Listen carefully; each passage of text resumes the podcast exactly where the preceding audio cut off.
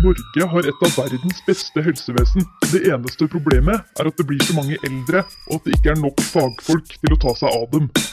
Egentlig så har vi ganske mange helsepersonell i Norge, men et av problemene er at mange slutter etter ti år i yrket. Så da spør jeg dere politikere, hva har dere egentlig tenkt til å gjøre? Ikke bare for å rekruttere nye sykepleiere, men også beholde de som er her. Det tror jeg er et litt stort spørsmål å svare på når podkasten begynner om få sekunder. Everyone clear. Do not touch patient. Shock delivered. Velkommen til en ny episode av Hjelp, jeg er sykepleier. I dag er tema intensivsykepleier, og jeg vil da ønske velkommen til episodens gjester, som er intensivsykepleierne Paula Lykke og Marie Otterstad.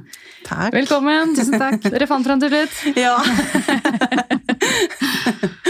Nei, jeg skal, jeg skal lage et sånn ordentlig kart da, med verdenskurset. Som jeg skal, så dere er som sagt ikke de første som surrer litt rundt her eh, i Myntgata. Nei, det er godt å høre. Ja, ja, ja. Men da, da får vi bare være effektive som ellers i helsevesenet, si. Ja. Ikke sant? Ok, men kan ikke dere fortelle litt eh, om dere selv, da, damer? Hvem vil begynne? Jeg kan begynne. Marie begynner? Ja. Uh, ja, jeg heter Marie Otterstad. Uh, er 34. Må alltid tenke. Eh, og jeg kommer fra Skien i Telemark. Og jobber som intensivsykepleier der. På en intensivavdeling på Skien sykehus. Um, ja, det er en generell intensivavdeling med både intens eller, eh, medisinsk intensiv og eh, kirurgisk intensiv. Jeg har vært eh, intensivsykepleier siden 2017. Da leverte jeg min master. Og har vært med eh, i landsstyret for intensivsykepleierne NSF si, ja, i to år nå. Mm. Bor med mann og barn. Hei, Paula. Hei, eh, Paula Lykke. eh, Leder eh, i landsgruppa, eller faggruppa for intensivsykepleiere i Norsk Sykepleierforbund. Eh, har vært det siden 2017. Født i Stockholm, oppvokst på Levanger. Eh, men bodd i Oslo siden 91.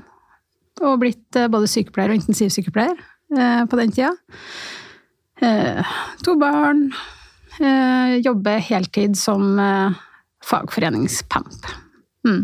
Når ble du intensivsykepleier, da? Du, eh, artig at du spør. Ikke 80-tallet, sånn som jeg skrev på Instagram-storyen min. Nei. Eh, Jeg var ferdig i 2003. Ikke sant? En liten bommert på 20 år der. Ja, ja, ja. De gamle er eldst. Ja, men jeg fikk jo noen meldinger bare, nei, men hun er jo yngre enn meg. altså Hvis hun er så gammel, da lurer jeg veldig på hvordan man kan holde seg så bra. Ikke Ikke sant? Melding, altså. ok, da kjører vi på med tre kjappe. Hvorfor ble dere sykepleiere i utgangspunktet? Jeg Husker dere har det? aldri tenkt at jeg kunne bli noe annet enn sykepleier. Ja. Nei. Det jeg har ikke hatt noe alternativ. Fikk du sykepleierkallet? Nei, jeg tror jeg er født med det. Ja, Ja. gen. ja. Nei, eh, på Levanger, der jeg kommer fra, så var det enten ingeniør, lærer eller sykepleier, og mamma var sykepleierlærer på Innherred sykepleierhøgskole. Eh, jeg, har liksom aldri tenkt at jeg skulle bli en annen, egentlig. Mm. Du da? Kommer du fra sykepleierfamilie? Ja, Du gjør det, du, ja. det kan du si. Eh, min mor er intensivsykepleier, eh, og min far er tannlege. Jeg er intensivsykepleier, og broren min er tannlege. Men uh, jeg, skulle bli, eller jeg skulle ikke bli sykepleier. Um, så det var egentlig litt sånn indre kamp med meg sjøl. Jeg skulle egentlig studere noe psykologi eller Men så jobba jeg uh, sånn, uh, i kommunen, på en sånn Ikke sykehjem, men sånn korttidsavdeling. Og så syntes jeg det var veldig moro, liksom med kroppen og Så. Så ikke angra siden. Så bra. Mm. Hvorfor har dere valgt å videreutdanne dere til akkurat intensivsykepleiere, da? Skal jeg begynne? Ja, du kan begynne. Nei, jeg hadde egentlig ikke tenkt å ta noe videre enn sykepleier, egentlig. Jeg jobba på Aker og trivdes godt på den avdelinga jeg var på. Men så hørte jeg rykter om at man kunne få fem lønnstrinn ekstra og barnehageplass. Og som nygift så gjelder det å planlegge både økonomi og plass til barn på barnehage, så da kom jeg inn der. Jeg fikk lov til å jobbe som sykepleier på en avdeling som hadde mangel på både intensivsykepleiere og sykepleiere. Så det var egentlig en tilfeldighet. Så det var lokkemidlene til intensivutdanningen den gangen? det var det. Ja, Det funka for deg? Funka veldig. Eh, Og når jeg kom inn på intensivavdelinga og så hva man holdt på med der, så tenkte jeg ja, dette, det her er sykepleie. Da kan du like så godt svare på det siste spørsmålet. Eh, ville du tatt og videreutdanna deg til intensivsykepleier på nytt hvis du kunne skru tiden tilbake? Ja. Så bra. Men jeg hadde ikke tatt ut en, jeg hadde ikke gjort det en gang til. Jeg skal si, det er utrolig eh, omfattende videreutdanning. Men jeg hadde gjort det samme igjen. mm. Men ikke en gang til nå. Nei, ikke sant. Det, det blir litt eh, vel mye. Hvorfor ble du intensivsykepleier, da? Eh, ja. Jeg begynte egentlig på sykepleien og hadde lyst til å bli jordmor. Eh, og så var vi i praksis eh, på intensiv i løpet av den kirurgiske praksisen på sykepleien. Og da, litt sånn som Paula, at jeg kom inn der og bare Oi, det hadde kommet til himmelen. Og det var liksom Ja, det En blanding av liksom grunnleggende sykepleie og mye medisinsk-teknisk utstyr. Ja, du sto så aleine, liksom, og ja, jobba selvstendig og Så da jobba jeg liksom mot det. Det var drømmen min siden da. Mm. Hadde du valgt uh, utdanninga på nytt hvis du skulle skru tiden tilbake, da? Ja. Ja, men Så bra å høre. Da, da skal vi snakke enda mer eh, om intensivsykepleie. For hva er egentlig intensivsykepleie? Har dere liksom definisjonen på det? Ja, det er jo Det er sånn alltid litt sånn vanskelig spørsmål. Eller sånn, hvis man spør Hvis man får spørsmål om sånne ting, hva er en intensivsykepleier, hva gjør du? Så er det alltid litt sånn, for det er så omfattende. Men det er jo Vi tar jo vare på de akutt kritisk syke. Pass på de sykeste. Um, og ja, behandling til de sykeste av de syke. Um, ja, Pelle? Ja, det er som du sier, vi er, det er fra null til 100 vi har i aldersgruppe, og det er alle sykdommer, alle skader du kan tenke deg. Uh, alt ifra hjertestans til knivstikk til bilulykker til gassforgiftning. Så det er utrolig bredde, bredde av utdanning, da. Mm. Da lurer kanskje noen på hva er forskjellen på det og akuttsykepleie? For de som ikke er så godt kjent med helsevesenet. Ja, men Det er et godt spørsmål. Eller øh, fint at du tar opp, for at akuttsykepleiere de eh, tar jo gjerne imot i akuttmottaket. Eh, og får de stabilisert så godt de kan ned der. Noen ganger så går de rett opp på intensiv. Det er litt sånn forskjellig hvordan sykehuset egentlig er organisert. Men de tar imot den der første, første touchen på sykehus og gjør en eh, prioritering og eh, kategorisering av pasientene, da, for å si det på vanlig norsk. Sort- Sorterer dem litt, rett og slett. Ja. Mm. Så dere jobber jo litt mer i sånn langsiktig perspektiv kanskje, med pasientene det de gjør i et akutt mottak som måte tar dem imot og sender dem videre, hvis vi skal se det litt sånn eh, billedlig. Ja, der er det jo liksom bare det aller, aller første. Mm. Har du en respirasjonsstans, så får de liksom luft i pasienten og luftveier, og så er det videre opp til oss. Så tar vi alt det andre. Og pårørende er også et viktig aspekt. som De ikke, de har ikke så mye så langvarig kontakt med pårørende som det vi har.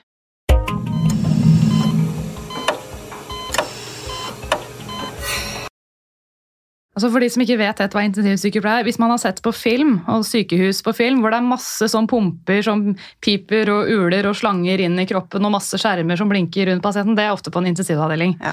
Hvis man ser for, meg, ser for seg det, da, så er det litt sånn det dere jobber med, eller det dere kan. Ja. Masse pumper og utstyr og slanger i kroppen. Det er mye, mye utstyr. Og pasienten, da, ikke minst. Ja. Men det er som jeg sa innledningsvis, at det er liksom noe med det å se pasienten oppi alt det utstyret. da. Mm. Eh, For vi kan jo ha ti infusjoner med forskjellige medikamenter som er veldig potente. Eh, Og overvåkningsutstyr og respirator og dialysemaskin og ja, masse. Pluss liksom katetere og i forskjellige varianter. Mm. Mm. Så det er litt sånn eh, stikk motsatt av psykiatrien, på en måte. Ja. Der er det ikke så mye den type ting. Nei, der er vi litt mer hands off, kanskje. Her er det mer hands on. Mm. Så ja, da går vi jo videre inn på neste spørsmål, som er hva gjør en intensivsykepleier? Det er vi jo allerede i gang å snakke om. Hva er en typisk arbeidshverdag, hvis det er noe som er typisk?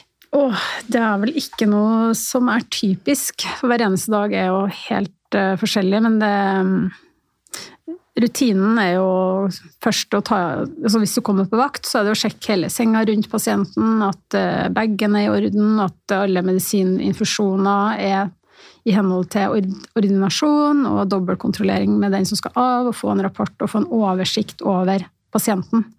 Og planlegge liksom vakta. Og det er litt sånn med en gang vi kommer inn i en situasjon, så må vi planlegge for hva kan gå gærent her.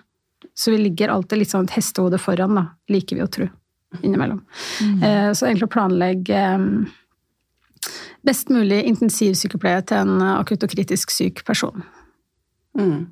Det er viktig det her med å ha en beredskapsplan. Hele tida ligge i forkant. Hva er det verste som kan skje her, og hva gjør jeg hvis det skjer? Da er du mye bedre forberedt. Um, og sånn, jeg tror det er et veldig viktig aspekt i hvordan vi ivaretar intensivpasienten. Eller en overvåkningspasient, eller ja, post-op-pasient, eller Det er jo veldig sånn eh, stort spørsmål hva gjør en intensivsykepleier, men hva gjør egentlig en sykepleier? ikke sant? Man, Ja. man skal ivareta grunnleggende behov, mm. mens de grunnleggende behovene til intensivpasienten er jo mye mer trua enn f.eks. en sengepostpasient, så dere må på en måte hjelpe til med alle de ja, grunnleggende hva skal jeg si, funksjonene på en mye mer avansert måte. Da. Så det er egentlig mye mer avansert form for sykepleie, sånn, sånn jeg ser det. da. Ja, ofte så tar vi jo over nesten alle grunnleggende behov. Ja, pusten og alt. Pust, ja, pust. Vi har medikamenter for å få blodtrykket opp, eller for å få hjertet til å slå i det hele tatt. Eh, vi bruker medikamenter for, å, for urinavføring, eh, mobilisering. Pasienten er helt prisgitt intensivsykepleieren. Eh, og det er viktig, og det er liksom sånn Man skal være litt ydmyk, da, tror jeg. Kan du si at dere gjør det folk av og til kaller å holde folk kunstig i live? I visse perioder? Nei, jeg vil ikke si at vi holder folk kunstig i livet. Eh, vi driver med organunderstøttende behandling, så vi støtter opp om eh, det, Altså, hvis det ikke er noe liv der, så er det jo ikke sykepleie. Da er det jo en, en annen fase av livet. Ja. Eh, så det er mer sånn organstøttende behandling, det vi driver med. Eh, Mm. er du enig, Marie? Vi snakka litt om det her definisjonen av intensivpasienten før vi kom hit. Mm. Ja, det er jo laga, mm, laget en egen definisjon på det. Eh, Det er jo en pasient som har en truende eller manifest akutt svikt i eh, ett eller flere vitale organer. Eh, Og så skal det jo kunne på en måte reverseres og Sånn som Paula sier, hvis det er um, i en palliativ eller hvis ikke dette er liv laga, så er det ikke sånn at vi holder de i live for enhver pris. Det er jo mye etikk oppi her også. Mm. Det med å holde folk kunstig i livet, det er så mer sånn på folkemunn som man snakker Ja. om pasienter som kanskje ligger i koma på respirator. Man hører jo om de som har ligget i koma i seks år, og skal man dra ut pluggen eller ikke. Det blir jo en helt sånn annen diskusjon, da. Men det er jo også en sånn ting man kan se på film, da, ofte. Vi har jo pasientene, eller noen pasienter ligger jo veldig lenge eh, på respirator og ikke holdt jeg på å si, altså en pasient kan jo ligge på en intensivavdeling i tre måneder. Eh, ikke hele tida på respirator, men sant, det er jo Vi må tenke også rehabilitering på en intensivavdeling. eh, og eh, et reddet liv skal også leves etterpå. Mm. Og nå høres det vel ut som alle ligger der i koma på respirator, men er det noen våkne pasienter der som kan snakke og spise med munnen nå? Ja, ja. Og så eh, Ofte så prøver vi å få de trakka, og så få et hull på halsen. Og få flytta den tuben fra respiratoren ned på halsen. Rett inn i luftrøret luftrøret gjennom halsen? Ja, ja. Mm. Eh, og da tolererer man også den eh, respiratoren mye lettere. For det er noe med å ha ting i munnen og i nese. Eh, så da kan vi ha de våkne og kommunisere med intensivpasienten. Eh, og det fungerer jo med skrift eller med blinking eller altså, Så det er jo en stor del av nonverbal kommunikasjon. Mm. Eh, Og så er det jo en del som begynner å prøve seg litt fram med iPads og få den type. For det, ofte så har jeg opplevd at intensivpasienten, hvis de skal prøve å skrive fordi når du har vært syk så lenge, så kan du få litt henfall av muskulatur, litt eh, eh, nerveutfall. Så da prøv å skrive på respirator ofte så akkurat som du ikke klarer å skrive vanlige bokstaver. Fryktelig vanskelig. Fordi en del pasienter sier at de mister kroppsfølelsen, så da begynner med finmotorikk. ikke sant? Å skrive kan være vanskelig. Er du enig, Marie? Jo, absolutt. Så heldigvis så har vi jo fått, eh, fått ny teknologi. Eh, og det jobbes jo hele tiden med å få bedre kommunikasjonsverktøy for intensivpasienten. Um, særlig her ja, som langvarige langliggerne, da. Uh, og jeg jobber jo på en sånn generell intensiv. Så vi har både respiratpasienter, og vi har postoperative, altså planlagte kirurgiske pasienter som har vært operasjon. Vi har medisinske pasienter. Det kan være seg kolspasienter med, som får maskebehandling, NIV. Ketoacidoser, intokser, som, som må overvåkes på litt høyere nivå enn, enn i et akuttmottak eller sånne type ting. Så det er Og det varierer jo litt fra sted til sted hvordan intensivavdelingen er oppbygd, da. Mm. Sånn som på de her universitetssykehusene så er det jo enda mer sånn spissa. Så det varierer litt, egentlig. Mm. Ja, for det har jeg sett i OS, så er det på en måte f.eks. egen uh, hjerteintensiv eller egen nevrointensivavdeling, mm. og noen har på en måte rene postoperative avdelinger, mens en annen er intensiv, men du jobber på en som er begge deler? Jeg jobber på en som er begge deler. Vi har medisinske plasser og kirurgiske plasser, og så har vi en sånn sal hvor alle kommer etter de som har vært til operasjon. Eh, det kan være keisersnitt, det kan være en eh, laparoskopisk galle eller altså prostatektomi. Eh, og så har vi litt mer overvåkning over sånne nefrektomier, altså de som har tatt vekk nyra. Hvor det er litt mer Litt mer timedurøs? Ja, blødningsrisiko og mm. Så det er Jeg trives veldig godt på en sånn avdeling, fordi at det er så variert. Mm. Så som du sier på OS, så er det kanskje Og det er jo kjempebra at vi har sånne Vi trenger de spissa òg, da. Og det er jo Der har de jo enda mer avansert ofte på Altså, de ligger på ECMO og sånn her hjerte-lungemaskin og Så mm. Ja, det er ganske spennende. Ja. Um, hvordan blir man intensivsykepleier, da? Jo, da Først må du være sykepleier, da. Ja. Eh, og så er det vel ønskelig med litt erfaring. Um, Sikkert to år ja, to 100 år, stilling på sykehus som vanlig krav. og så er det, er det søke seg til videreutdanning. Eh, og da um, Nå har det jo blitt master, så det er jo veldig, veldig bra. Eh, og så eh, Det er veldig mye praksis. Eh, blanding av teori og praksis. Eh, er det 50-50 der òg, sånn som det er på bachelorutdanningen? Med teori og Jeg vet ikke helt Jeg tror det er 30 uka, som det står i forskriften. Ja. ja. Mm. Det kunne sikkert vært mer, holdt jeg på å si. Nå har jo masterdelen tatt, tatt uh, stor del av, uh, av de to åra. Ja, for hvor lang tid tar det å ta en master? Uh, to år. Ja. På fulltid? Mm. Ja. Er det sånn at man må ta master nå, eller kan man hoppe av etter så, så mange studiepoeng? Uh, man kan hoppe av, uh, men det er jo ikke noe vi anbefaler. Nei. Men det er mulighet dersom livet skulle Holdt jeg på å si. Kan man hoppe av hvis livet har utfordringer, og så kan man gå tilbake og fullføre master senere? Det har vært en eh, løsning, men ja. nå har vi fått den nye forskrifta, så jeg er litt sånn usikker på hvordan det fungerer på alle studieplassene. For vi har jo 15 studiesteder i, i Norge som utdanner intensivsykepleiere. Eh, noen har jo C-krav for at du skal komme inn på, på videreutdanninga. Eh, så det er litt sånn forskjellig hvordan de håndterer ulike situasjoner. Jeg tenker Hvis at du tar sykepleien og blir gravid, så får du jo komme inn i løpet igjen. Men ja, for da tar man permisjon. Ja, mm. og det tenker jeg må også være en mulighet for intensivsykepleiere. Eller sykepleiere som studerer til å bli intensivsykepleier. Ja. Mm. Nei, altså, livet skjer, man veit aldri. Ja. ja. Ok, hva var det jeg skulle spørre om nå? Jo, hvem passer og hvem passer ikke til å bli intensivsykepleier? Har dere gjort dere noen tanker om det? Og Litt av greia med poden er for at man skal finne ut hva passer jeg til, og hva passer jeg ikke til i denne sykepleierverdenen. Altså, vi var jo veldig enige om at du må være glad i adrenalin. Ja. Litt sånn adrenalinkjør. Eh, men også ha ro med høyt adrenalin og være strukturert. Hvis du føler at du har de tre der, så tenker jeg at du er hjertelig velkommen inn på intensiv. Er det noe som ikke passer til å bli intensivsykepleier, da? altså hvis du For det er jo liksom det her med du, Som Perla sier, du må liksom like at det skjer litt. Du må like å kjenne litt på det adrenalinet. Hvis du ikke gjør det, og, eller hvis du liksom Jeg vet ikke, hvis du Så får het packeren at det piper i skopet, så Ja. bør du kanskje Men så tenker jeg liksom at alt kan jo Altså, man vokser jo, man utvikles, liksom. mm. Ehm, ja, og du må jo på en måte være litt strukturert og kunne liksom snu om litt på hodet, eller ja. Så jeg vil jo ikke si Jeg vil liksom ikke si at jeg, du og du kan ikke bli intensivsykepleier, men eh, Nei, jeg tenker at uh, du må jo ha et avklart også, Også et litt avklart forhold til liv og død.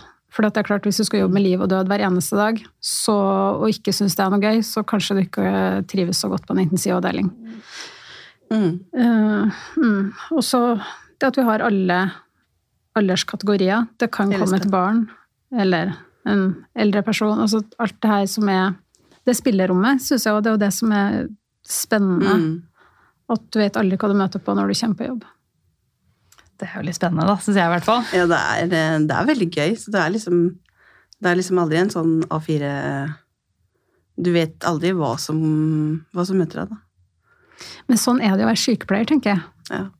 På generelt grunnlag. Ja. Det er jo veldig sjelden at eh, sykepleier er rutineprega eh, det samme hver dag. Mm. For det, det kommer jo Alle pasientene er forskjellige. Alle situasjoner er forskjellige. Så ja. Skal vi gå litt over på din del, tenkte jeg. ja. Du jobber jo på denne intensivavdelingen på Sykehuset i Telemark, som er et lokalsykehus. Eh, Hvordan er det å jobbe der? Jeg trives veldig godt. Ja. Eh, som jeg sier, så det her med at det er en generell intensiv og en veldig variert eh, arbeidsdag. Eh, kan møte alle slags pasienter. Eh, nå har vi jo også en nyfødtintensiv på vårt sykehus, men det er jo ikke alle som eh, Sånn i forhold til barn og sånn, så er det jo ikke alle som klassifiserer til å, på, på nyfødt. Um, så det at jeg kan få en tre måneder gammel baby til en på ja, 90, liksom. Det, Ja, for dere har nyfødtintensiv, men ikke barneintensiv. nei, vi har ikke egen barneintensiv. Ikke sant? Så da Mm. kommer de til deg men Da Der er det stort aldersspenn. Det er veldig stort aldersspenn. Men, og du må på en måte kunne litt om alt, eller mye om alt. Eh, og så har vi forskjellige ressursgrupper. Eh, så vi har f.eks. en egen barnegruppe, en egen respiratorgruppe. Transport driver vi også med. Hvis det er en pasient som trenger et høyere behandlingsnivå, som kanskje skal til Rikshospitalet eller uh, Ullevål eller, eller til uh, en hjertepasient som skal til Arendal, så er vi med på transport. Um, ja. Så er uh, det er veldig ålreit. Mm. Men transporten, er det helikopter eller bil? eller? Nei, det er bil. Ja. Mm. Som Er regel. er det vanskelig at, at det er så mye forskjellig? At man liksom aldri blir ekspert på noen ting? Det var litt rart når jeg kom fra lungeavdeling, eh, sengepost, eh, og kjenne at jeg var veldig Eller følte at jeg var ganske god på lungepasienter, og så kommer du, og så er, må du på en måte være litt sånn generalist. Men du står jo aldri aleine, og vi har jo alle våre styrker og svakheter, eh, så at vi utfyller hverandre. Eh, så jeg syns jo det er veldig trygt, selv om liksom de er så syke og det er så kritisk, så føler jeg absolutt at det er veldig, veldig trygt. Eh, Du kan alltid spørre en venn. Så det um, Sånn sett så um, Så hjelper det veldig, når du på en måte må eh, kunne noe om alt, da. Mm. Får man på en måte tid til å lære seg altså, Blir de satt av tid til undervisning, eller eh, hvordan holder man seg oppdatert på alle disse forskjellige pasientgruppene? Vi har jo eh, fagdager, eh, og så har vi tre kjempeflinke fagutviklingssykepleiere. Og så mm, er det jo selvfølgelig litt opp til hver enkelt og det faglige engasjementet man har, og vi har jo i regi av intensivsykepleierne NSF så har vi jo en fantastisk kongress. Eh, og altså det er alle lokale gruppene som lager mye faglige eh, fagkvelder og arrangementer og ja. Så hint, hint, jeg lurte å være med i en faggruppe. Ja. Det kommer vi tilbake til snart i denne episoden. Ok, Så det er mye forskjellig som kommer til deg, men er det likevel noe som er litt typisk for holdt på å si, telemarkspasienten? Er det noen skiskader, eller er det noe Kommer litt an på sesongen, da. Ja, ikke sant? Eh, Det, det hender jo at det kommer noen skiskader ja, på vinteren. Så det, kan det være litt båtulykker og sånn på sommeren. Kragerø ligger jo nærme. Eh, under pandemien så så vi faktisk Det vet jeg ikke om det er spesielt for oss, men eh, da hadde vi veldig mye psykiatri. Ja. Um, den ene sommeren der. Uh, så det var liksom veldig påfallende. Det var veldig lite kolspasienter, med Jeg lurer kanskje noen på hva gjør psykiatriske pasienter på intensivavdeling? Er ikke Ja. det to forskjellige ting? Eh, nei, da er det jo intoxer eller ja, sånne ting. Så, Forsøk på suicid, og Ja. så lever de fortsatt, men trenger intensivsykepleier. hegningsforsøk, Mm. eksempel. Um, intox med ulike medikamenter. Men det må jo være veldig trist. Eller er det givende å hjelpe de da? Det er eh, begge deler. Eh, det, det, ja. Det, selvfølgelig er det triste, men så det der å kunne være der for pårørende, kanskje er liksom eh, Skal jeg si Lage det liksom Få den verdige Hvis det er noe som på en måte Det hender jo at ikke det går. Mm. Eh, så det å lage den verdigheten rundt det Mm. eh, kan være veldig givende. Og så prøver vi å dra inn ulike andre spesialiteter for å hjelpe til, da. Ja, at man må jobbe litt tverrfaglig også. ja, ja. Mm. Har du et eh, case til oss, da? Ja. da, jeg tenkte fælt på det der. Ehm, men så kom jeg fram til det som jeg syns kanskje er eh, Eller en av de tingene som jeg syns er morsomt, da. Det er den ordentlig, ordentlig intensivpasienten. Um, eh, mann. Gjort en eh, kolonreseksjon. Kom Kommer på sengepost eh, etter operasjon, og så begynner han å få vondt i magen. Feber. eh, Infeksjonsprøver begynner å stige litt. Blodtrykket faller litt. Kirurgen kommer, tilser pasienten. Og eh, spent buk. Og eh, blir beslutta tatt eh, Eller at han går til operasjon, og da er det en anastomoselekkasje. For da når de har fjerna litt av tarmen, som er en reseksjon, så skjøter de tarmen sammen. Og det man frykter, den aller verste komplikasjonen av det, er jo at det skal lekke fra den her. At det ikke er sydd sammen ordentlig, rett og Ja, slett? eller at det-? Det kan, altså det kan jo bli sydd så godt som bare det, men at det Revner. svakhet ja. Ja. Så lekker det. Eh, og da blir pasienten kjempeseptisk, og de pleier da å rense opp, og så får vi meldt pasienten. Eh, veldig, ja, kanskje sykulatorisk kollaps på operasjon. Eh, kommer på respirator. Eh, tre ty typer pressor, altså medikamenter som for å holde blodtrykket oppe. Eh, spørsmål om kanskje eh, dialyse. Eh, ja, skikkelig multiorgansvikt. Kommer til oss med åpen buk, eh, og det jeg gjør da, da går jeg gjennom ABC. Uh, airways, breathing, circulation, disability, exposure. Uh, og gå igjennom, ok, vi har sikra luftveier med, med tube. Uh, han puster via respiratoren, jeg tar et kjapt overblikk på respiratoren. Det er jo sånne ting man vurderer hele tiden. Um, jeg ser ja, han har tre typer pressord. kanskje Noradlin, Vasopressin og adrenalin, som er veldig typisk. Um, og tenker da liksom Ja, hva er det verste som kan skje her? Jo, han kan rase i trykk. Ja, hva gjør jeg da? Jo, da har jeg jeg har så mye å gå på på pressoren der, jeg har væske der som jeg kan speede opp, jeg kan tippe senga i sjokkleie. Um, og jobbe meg sånn gjennom ABC og lager en beredskapsplan hele tida. Så er det selvfølgelig pårørende man må ivareta. Um, og eh, få inn ressurser hvis en skal legge dialysekateter. Eh, da har vi det gjerne på noe som heter Prisma, eh, som er eh, sånn kontinuerlig dialyse, fordi de er for dårlige til å ligge på vanlig hemodialyse. Eh, og det er viktig å se liksom, hvor mange innganger har jeg, eh, altså intravenøse innganger, hva har jeg å spille på, um, Smertestillende. smertestillende, ikke minst, Sovemedisin. Altså sovemedisin, sedasjon, um, og eh, vi tar jo blodgasser, vi har jo ofte da arteriekran, tar blodgasser derfra uh, for å styre respiratoren. Uh, Jeg jobber jo veldig selvstendig med sånne typer pasienter. Det er av pasienter som bare du snur de, så raser de i trykk, ikke sant? Eh, og um, Så det her er jo ikke sant, Som jeg sier, de som De er helt overlatt til intensivsykepleieren. Um, pårørende i krise, som jeg må ivareta. Uh, kanskje du skal veilede noen. Kanskje du har med deg en intensivstudent. Skal veilede.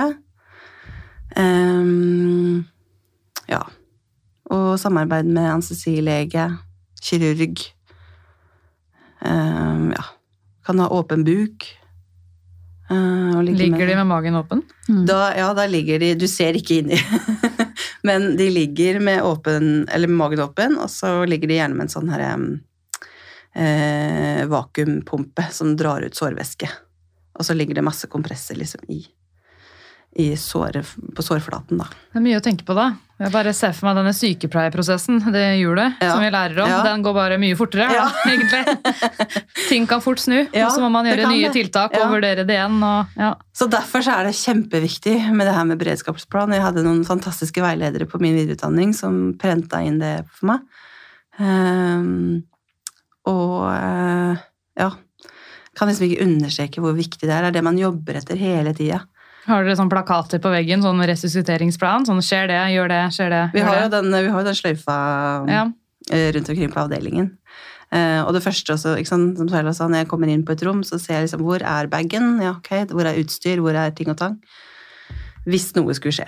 ja, Sjekker akuttutstyr. Mm, mm. Ja, jeg husker det fra Være- Nyfødt intensiv. Ja, ikke er det første jeg gjør, sjekk av bagen, er ting kobla i, er det sug, funker suget? Ja.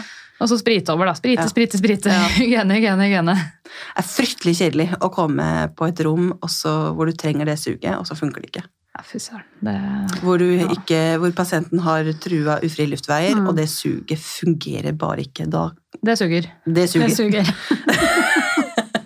Og med det så tenker jeg vi må hoppe over til deg, eh, Paula. Ja. Eller var det noe mer med caset som bare må få med? Neida. Jeg tror du fikk fram det viktigste. Jeg tror det, jeg håper det. Ja.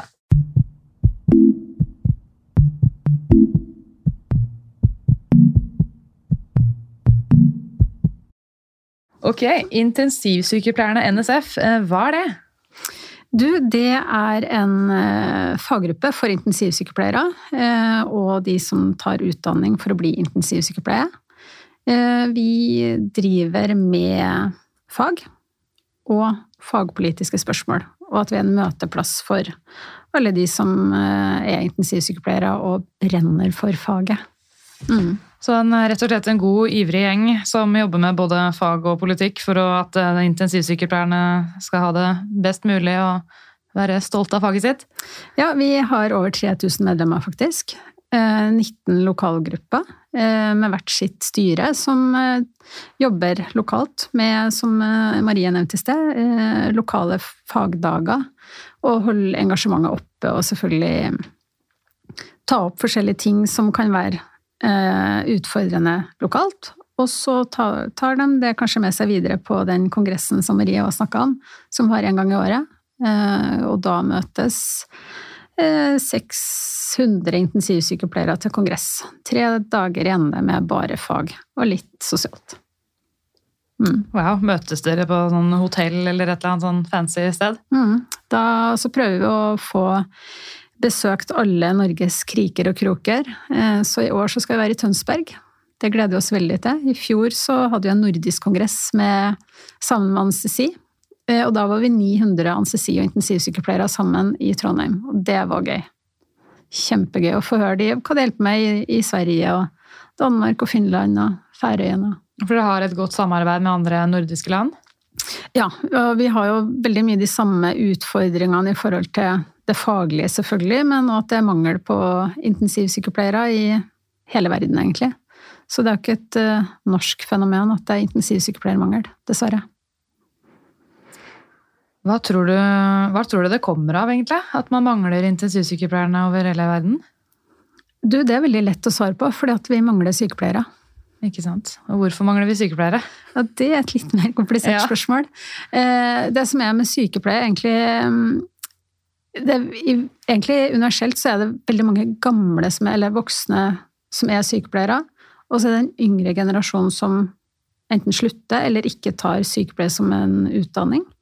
Og det er utfordringa at vi er en for gammel populasjon egentlig til å holde faget ved like, litt sånn som vi ser hos oss i hvert fall. Vi har nå snart 500 intensivsykepleiere som går ut øh, og pensjonerer seg. Og når vi er en begrensa gruppe, så er det vanskelig å holde faget i gang. Men nå kanskje jeg snakker meg litt ut på vidda her. jeg vet ikke. Neida, Nei. det er jo noe av det jeg hadde tenkt å snakke om.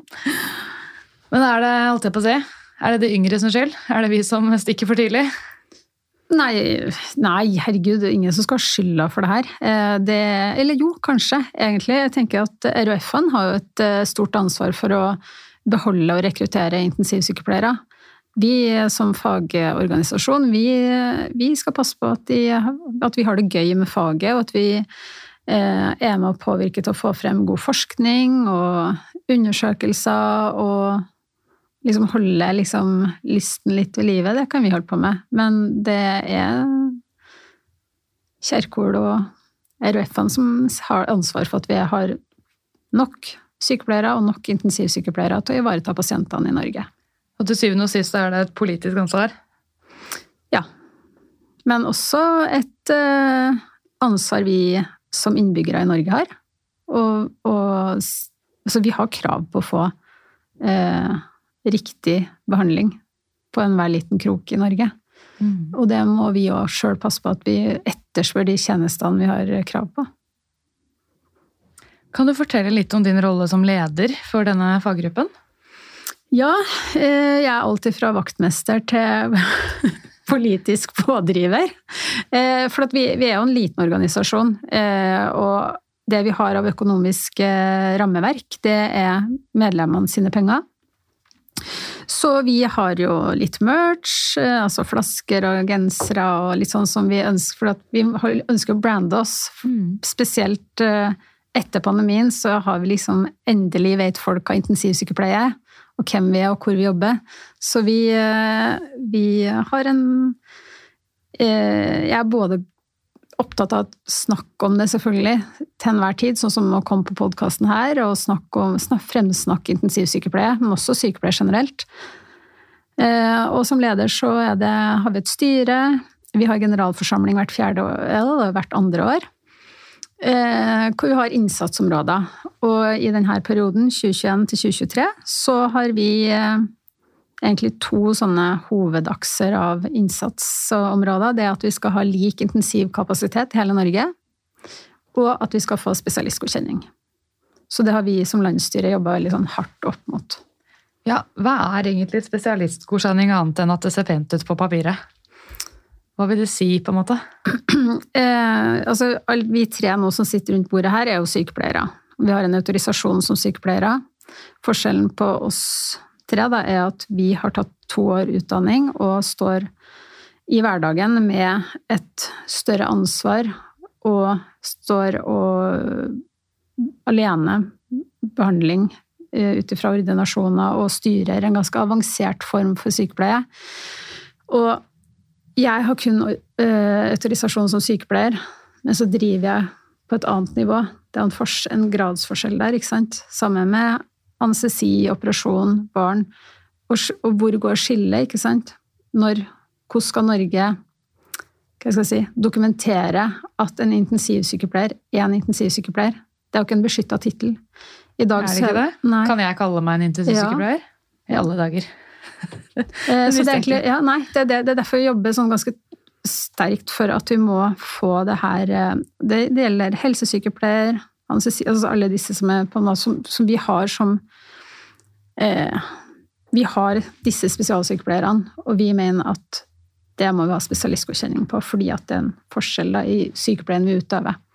Å ja, så dere krever egentlig bare noe som egentlig er en selvfølge? Jeg trodde egentlig at dere hadde det, så jeg bare skal man ha spesialistgodkjenning i tillegg? Jeg trodde man på en måte allerede når man er intensivsykepleier, så er man det. Når man åpner et DIPS-notat, så står det jo intensivsykepleier, også navnet, og man skal jo opp i lønn. Så jeg, nei, det syns jeg er rart at man ikke bare får med en gang. Jeg tror kanskje mange tenker det, og tar det liksom for gitt. da. Ja, Det skulle da bare mangle, tenker Ja, jeg. Man, ja. selvfølgelig skal man ha det. Jeg, jeg tror ikke du er alene om å Nei. tenke sånn. Nei. Så derfor er det greit å liksom bare få um, avklart det litt, da. Altså, når jeg ble leder i 2017, så hadde jeg hørt en sånn vandrehistorie om forsvarsministeren da, som ringte helseministeren og sa sånn Ja, du, vi skal drive med noe sånn krigsscenario her. Um, Så da er jeg interessert i å vite hvor mange anestesi-intensive operasjonssykepleiere har vi egentlig? Helseministeren blar litt sånn i papirene, og så Nei, det vet vi ikke. Og sånn er det. Ja, null oversikt. Null oversikt, eh, og det er fryktelig dumt. Eh, Ved en hendelse, eksempel, så hadde det vært en fordel å vite hvor mange har vi. Altså, vi, vi har jo Ukraina altså, Det er ikke så rart at vi skal tenke mobilisering, da. Eh, sykehus og kommunehelsetjeneste, vi, det er jo det sivile forsvaret vi har, i tillegg til det militære. Så det er ganske viktig at vi vet hvilke ressurser har vi. Ja, vi er jo en del av landets beredskap. Absolutt. Ikke sant? Og hvor er sykepleierne? Og hvor er de sykepleierne du kan bruke til visse ting? Det er ganske, jeg er for sånn prosedyrer og retningslinjer og sånn. Å vite den type ting. At ikke helseministeren er interessert i det. Eller det håper jeg egentlig, for nå har det vært gjort et jobb på det. Det er jo sendt et oppdrag fra eh, Helse- og omsorgsdepartementet til Helsedirektoratet, som har jobba ut et forslag da, hvordan vi kan få spesialistgodkjenning. Så nå skal det sendes over til HOD og avgjøres om det skal gjennomføres. Altså, etter denne pandemien som har vært, og for så vidt er ennå, så bør jo det bare, bare mangle, spør du meg. Ja. Ja.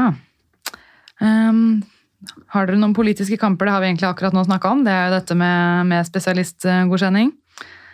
Eh, Hvordan rekruttere og beholde intensivsykepleierne? Pandemien avslørte et skrikende behov for deres kompetanse, som vi nå toucha innom. Være synlig, som dere sa. Men er det Det, ja, snakke om hvor kult det er? Ja. Det, jo, ja, det, har jo, det styret her har jo vært veldig opptatt av, av synlighet, at vi skal, vi skal vises eh, der ute. Um, Så vi har jobba mye med sosiale medier, blant annet. Eh, Og så har jo flere avdelinger, intensivavdelinger, hengt seg på eh, Instagram, og jeg tror det er viktig. Fordi at eh, intensivavdelingen er så lokka. Så vi må vise hva vi driver med. Så det, ja, være der hvor folk er. Det tror jeg er en viktig, viktig måte å rekruttere på. Og ja, være her og Ja, og altså, jeg tror at vi beholder en del også når vi får vist frem hva vi faktisk holder på med. For at før pandemien, hvis jeg var og snakka med, ja, med vanlige dødelige, ikke sykepleiere, nei da, så sånn Ja, hva gjør du da? Nei, intensivsykepleier. Og da var det ikke sånn Å ja, sånn anestesi. Nei, intensiv. Og da gikk ofte rullegardina litt sånn ned. Men nå er jo rullegardina helt åpen. og bare, Ja, ja, det er dere som jobba med de gule draktene under pandemien. Da fikk Ja. dere litt PR da, da fra covid-19. Kan Yes. takke- Ja, men Det var jo bra. Ja, det var bra. Ingenting er så gærent at det ikke er godt for noe. Det, Nei, det var jo drømmen min at alle skulle vite eh, hva, eller hva er en intensivsykepleier. Men at det skulle komme, skulle komme gjennom et eh, mareritt, det, det Men det er jo ikke sånn at eh, intensivsykepleier er noe nytt. så Dere var der før pandemien òg, ikke sant? Ja, Ja. vi har vært der i mange år. Men uh... Ja, For denne faggruppa den er siden hvilket tall? 1978. Ja, Det var det jeg tenkte, men jeg turte ikke å si noe mer tall, fordi da bommer jeg så mye.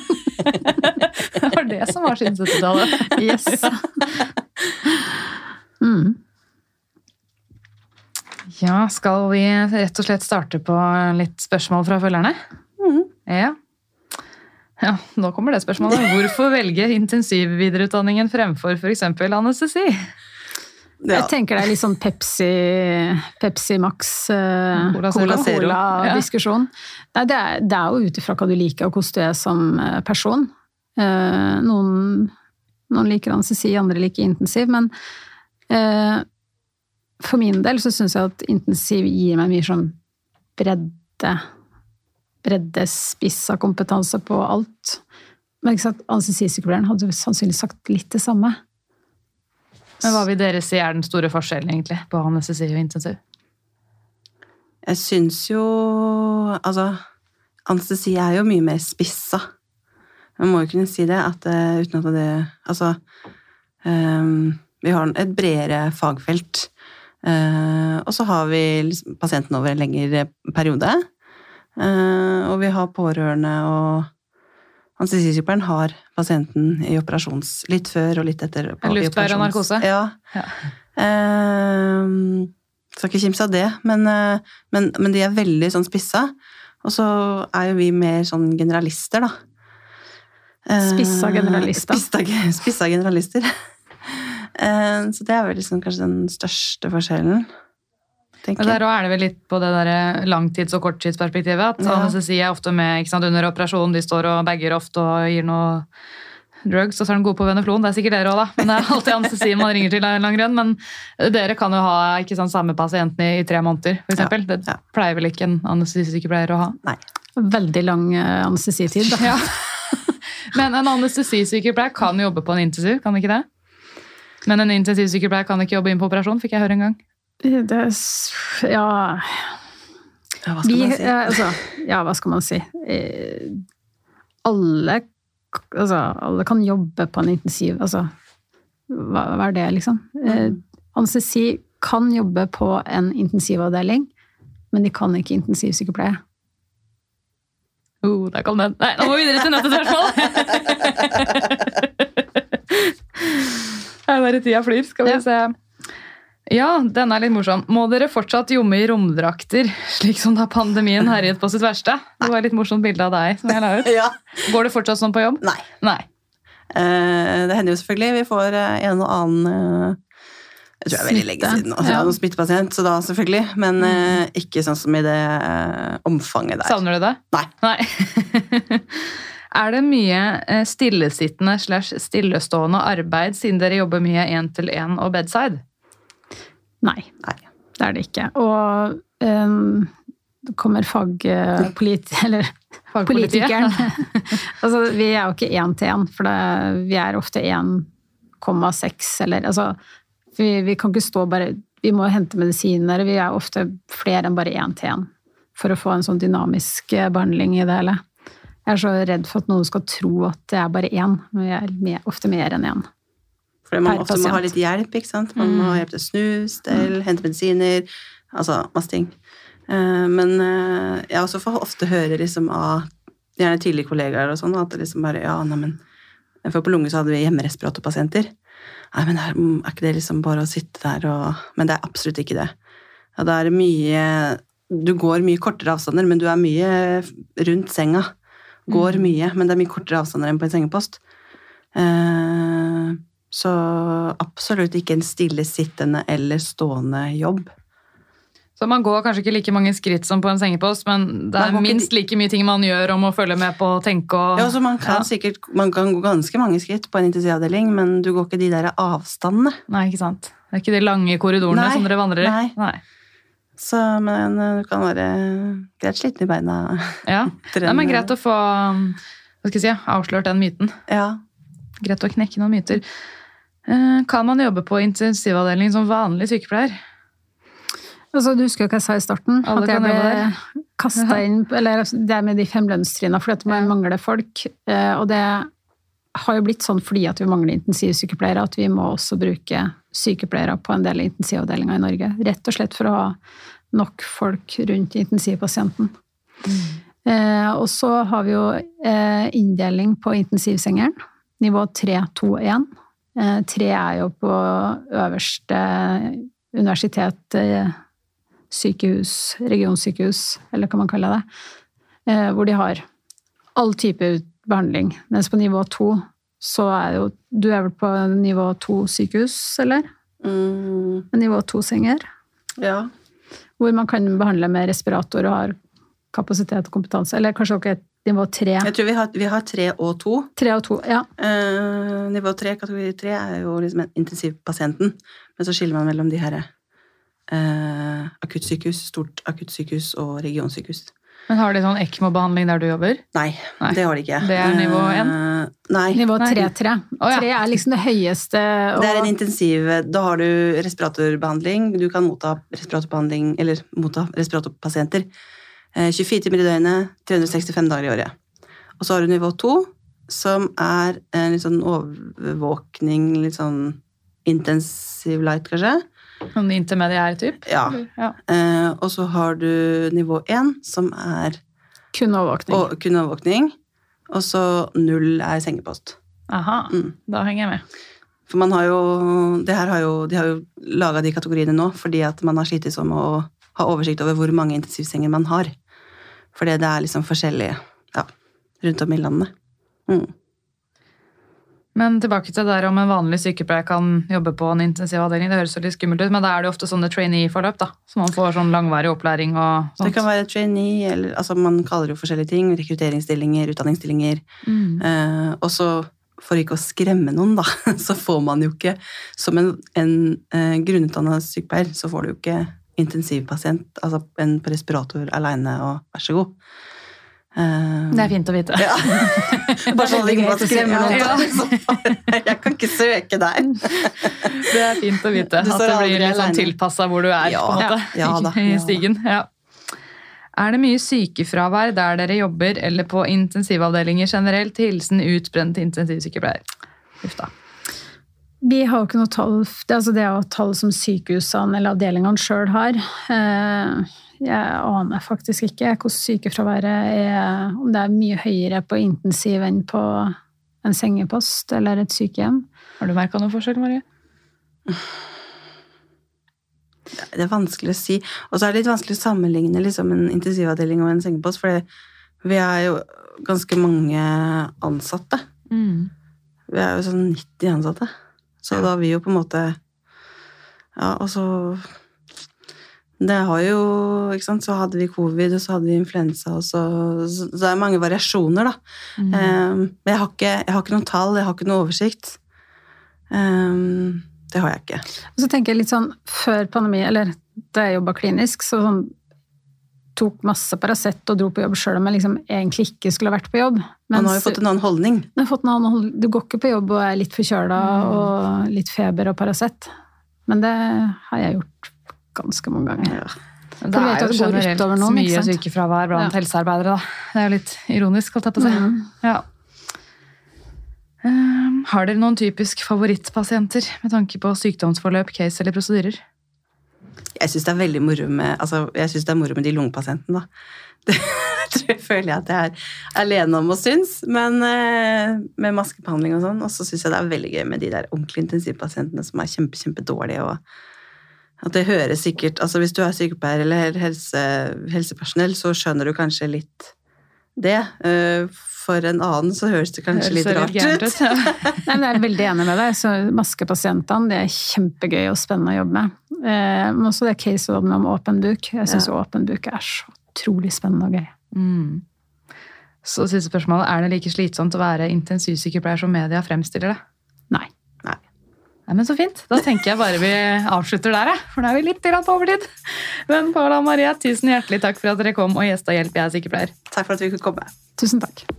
Takk for at du hørte på Hjelp, jeg er sykepleier. Hvis du likte episoden, blir jeg veldig glad hvis du vil dele den videre på relevante plattformer.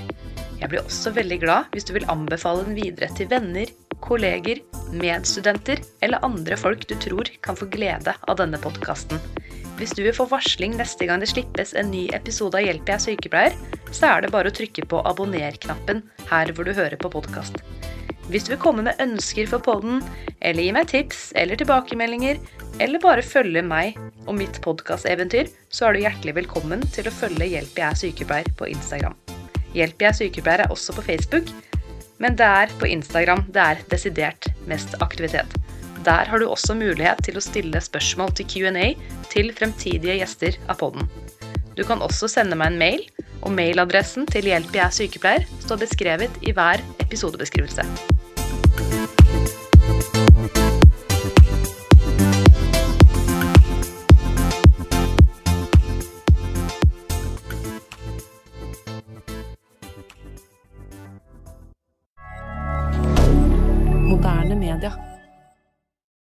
Har du et enkeltpersonforetak eller en liten bedrift?